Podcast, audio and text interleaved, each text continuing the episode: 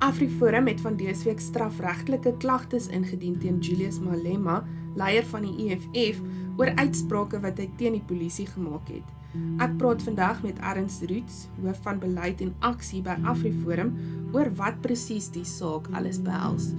Ek is Andrea en hierdie is AfriPod.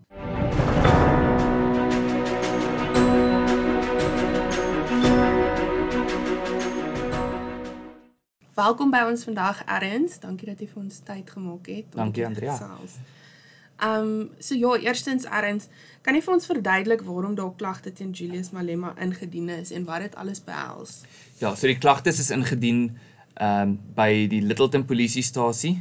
Ehm uh, en dit gaan spesifiek oor oor die onlangse uitsprake wat Julius Malema gemaak het oor die polisie. Nou goed, ons het gesien wat by Brackenfell gebeur het. Ek dink die EFF het baie braaf so intoe gegaan met die idee dat hulle nou baie sterk politieke standpunt gaan inneem. En ek dink eintlik wat daar gebeur het was 'n bietjie van 'n politieke verleentheid vir die EFF want almal het grappies gemaak oor die EFF wat so weghardloop vir die polisie wat natuurlik vir Malema verskriklik ontstel het en in die lig daarvan het hy het hy gesê dat hulle is bereid om um, in 'n stryd te tree met die polisie of oorlog te verklaar teen die polisie vir alle praktiese doeleindes en hy het gesê hulle gaan maak met die polisie wat wat hulle in die 70s en die 80s met die polisie gemaak het. Natuurlik was Malema toe nog nie in die prentjie nie. Maar um, en en wat eintlik in daai tyd gebeur het met die polisie was verskriklik erg en Malema het dit nogal beskryf. Hy het gesê ons gaan na julle huise toe kom en hy het gepraat van hulle families en hulle vroue en kinders. En in daai tyd het die ANC en Umkhonto we sees we vir al die ANC jeugliga dit gedoen en Apla en en van die groepe.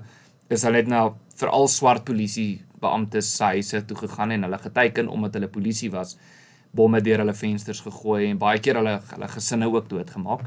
En um, in die lig daarvan het ons die klagtes dan nou teen teen hom gaan indien. En kan jy kortliks vir ons verduidelik wat is die klagtes presies? Ja. So dis eintlik 'n verskeidenheid van van misdade wat hy sommer op een slag gepleeg het. Een daarvan interessant uh is in, is is um, wel intimidasie natuurlik, intimidasie van die polisie, maar ook aanranding. Ehm um, interessant die definisie van aanranding sluit nie net fisiese aanranding in nie. Volgens ons regstel as jy is regstelsel as jy dreig om iemand te sê nou maar te slaan, ehm um, en jy jou dreigement is van so aard dat die persoon teenoor wie jy die dreigement maak is duidelik identifiseerbaar, met ander woorde in hierdie geval polisiebeamptes. Ehm um, en daai persoon teenoor wie jy die dreiging maak glo dat jy dit werklik gaan doen of in staat is om dit te doen, dan tel dit as aanranding. So aanranding is ook 'n klag. Um aanhitsing van geweld is 'n klag. Uh sameswering om 'n misdaad te te pleeg. En dan interessant ook is die misdaad sedisie. Uh sedisie is eintlik 'n baie ernstige misdaad. Dit is amper so erg soos hoogverraad. Maar sedisie is is wanneer jy basies 'n misdaad teen die staat pleeg. Um en as jy sê ons gaan polisiebeamptes omdat hulle polisiebeamptes is in die aande by hulle huise gaan aanval en hy het nie die woord vermoor gebruik nie, maar dis dis definitief waarop hy gesin speel het ehm um, dan pleeg jy eintlik 'n misdaad teen die staat. So daai klag is ook bygevoeg. En wat dink jy is die implikasies daarvan as 'n mens sulke gewelddadige uitsprake maak teenoor die polisie wat eintlik daar is om ons landsburgers te beskerm? Wat hmm. gebeur as Kyk, die dis eintlik bietjie kommerwekkend dat die polisie so ver, ten minste die die politieke kant van die polisie, ek praat van die minister Bekkie Cele, so eintlik 'n lou reaksie gehad het. Hy het 'n media verklaring uitgereik en hom nou hy het nou dit wat Malema gesê het sterk veroordeel, maar hy is veronderstel verbeel jou om om konteks te gee, verbeel jou Kali Kriel of een of ander wit persoon staan op 'n verhoog en sê sulke goed oor die polisie. Hulle gaan nie wag, kyk wat het met Senekal gebeur. Hulle gaan nie wag nie. Hulle gaan daai persoon onmiddellik arresteer en vervolg. En ek dink dis deel van die probleem is is die hierdie hierdie gewelds of hierdie klimaat in Suid-Afrika of 'n geweldskultuur kan jy dit noem, maar daar's 'n klimaat waarin dit dit amper deel van alledaagse Suid-Afrikaanse lewe geword het om geweld te romantiseer vanaf politieke platforms. En dit is iets wat wat moet end kry en een manier hoe dit moet end kry is mense moet vervolg word as hulle dit doen. Uh, mense moet besef daar is gevolge daarvan en 'n uh, ou soos Malema tree op asof hy verhewe bo die reg is en ek dink hy dink hy is verhewe bo die reg en as hy nie vervolg word vir sulke goed nie dan is dit vir hom 'n bevestiging dat hy inderdaad verhewe bo die reg is. So die strafregtelike klagtes is nou ingedien. Wat hoop AfriForum sal kom van hierdie klagtes? Wat moet die nagevolge wees vir Malema? Kyk, hy behoort hy moet strafregtelik vervolg word hiervoor. Uh, die die strafregstelsel moet sy gang gaan. Uh, met ander woorde, die saak moet behoorlik ondersoek word en dan moet 'n billike verhoor wees en hy moet aangekla word en hy moet geleentheid hê om te kan antwoord daarop en en al die goed.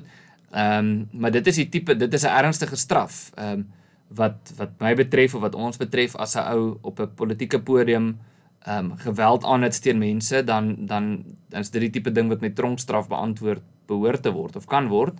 En ons het dit nou gesien in Senekal ook, die Andre Pinaar is in die tronk. Ehm um, vir vir wat daar gebeur het, nie oor oor die voertuig wat gerol is nie, maar oor hulle gesê hy het dit aangehits. Nou die goed wat Malema aangehits het, is baie erger. As en ek bedoel ek was daar toe hy toe Andre Pinaar gepraat het, hy het opreiend gepraat. Hy het nie gesê kom ons gaan kom ons gaan rol 'n polisievoertuig of kom ons gaan slaan iemand of kom ons gaan na sy huis toe nie. So die goed wat hy gesê het was nie naby so erg aan wat uh wat Malema gesê het nie. En as ons konsekwentheid in die strafregstelsel wil hê, dan behoort Malema dis erger gevolge te dra as wat hierdie individu dra.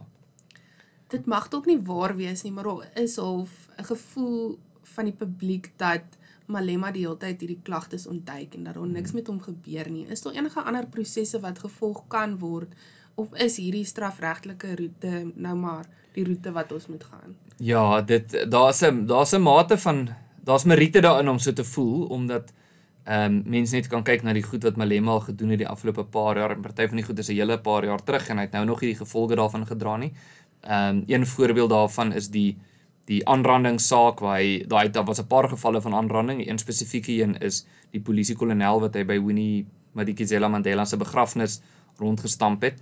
Ander een is natuurlik by die politieke byeenkoms waar hy 'n vuurwapen by met 'n vuurwapen lewendige ammunisie in die lug ingeskiet het.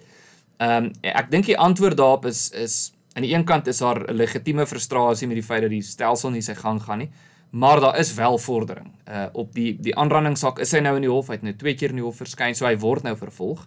Ehm um, Afriforum se privaat vervolgingseenheid moes eintlik ingryp omdat daar nie 'n vervolging was nie, dat net niks gebeur in die saak nie. En hoe die proses daar werk met privaat vervolging, is jy kan nie sommer net enigiemand privaat vervolg nie. Jy kan net privaat vervolg as iemand aangekla word van 'n misdaad en die vervolgingsgesag sê hulle gaan nie vervolg nie. Hulle gaan nie hierdie persoon vervolg nie. Nou wat jy kan doen is jy kan jy kan die hof nader vir 'n hofbevel wat sê of jy moet vervolg of ehm um, dit die persoon kan privaat vervolg word. En dan kry mens wat mens noem 'n nolli prosequi sertifikaat. Met ander woorde die vervolgingsgesag gaan nie vervolg nie, so ons kan dit nou doen. Um, en in hierdie geval met die aanrandingssaak het ons eintlik daai pad begin stap en gesê wel as dit lyk of jy hom nie wil vervolg nie, dan moet julle bevestig dat julle nie gaan nie sodat ons 'n privaat vervolging kan instel waarop hulle toe nog sê nee nee ons sal hom vervolg en toe skielik is haar tel die saak spoed op. En ons sien dit ook met die vuurwapensaak met die ammunisie wat of die, die lewendige ammunisie wat hy geskiet het.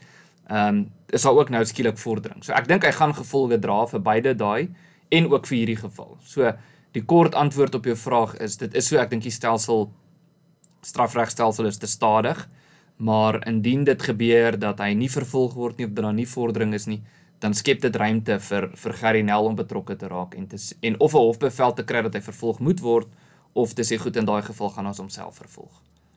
En dan het laastens erns, hoekom is dit belangrik om politici soos Malema verantwoordelik en verantwoordbaar te hou vir vir wat hulle in die publiek sê, veral as dit so opspraakwekkend hmm. is. Hoekom moet ons hulle aanhou Die die die rede daarvoor is omdat daar mense is wat dit ernstig opneem. Ehm um, ons het dit al gesien ehm um, met plaasmoorde en liedjies soos Kill the Boer, Kill the Farmer het mense al daar was al plaasmoorde gepleeg deur mense wat na die tyd getuig het onder eed en gesê hulle was beïnvloed deur deur politieke retoriek om dit te doen. Ehm um, en die EFF is hulle is nie hulle regeer nie die land nie, ons moet daai konteks onthou. Hulle is nie die tweede grootste party nie, hulle is die derde grootste party. Maar Malema is 'n invloedryke mens en hy het 'n ehm um, tipe van 'n kultus volgeling of in Engels kan mens sê 'n cult following. Ehm um, met ander woorde, dis 'n kleiner groep mense wat hom volg, maar hulle is baie radikaal in hulle in hulle volging van hom. Hy's amper 'n bo-menslike figuur vir sy volgelinge en hulle neem die goed wat hy sê ernstig op. Uh, en ek dink dit is genoeg rede om te sê ons moet dit ook ernstig opneem want ander mense gaan dit ernstig opneem. Ons kan dit nie net afvlag en sê ag, dis nou weer Malema wat goed kwyt raak nie, want hy kan dalk volgelinge hê wat dit wat dit inderdaad ernstig opneem. Baie dankie vir jou tyd vandag Ernst. Ek dink dit is belangrik om sulke kwessies te bespreek en insig te kry. Baie dankie.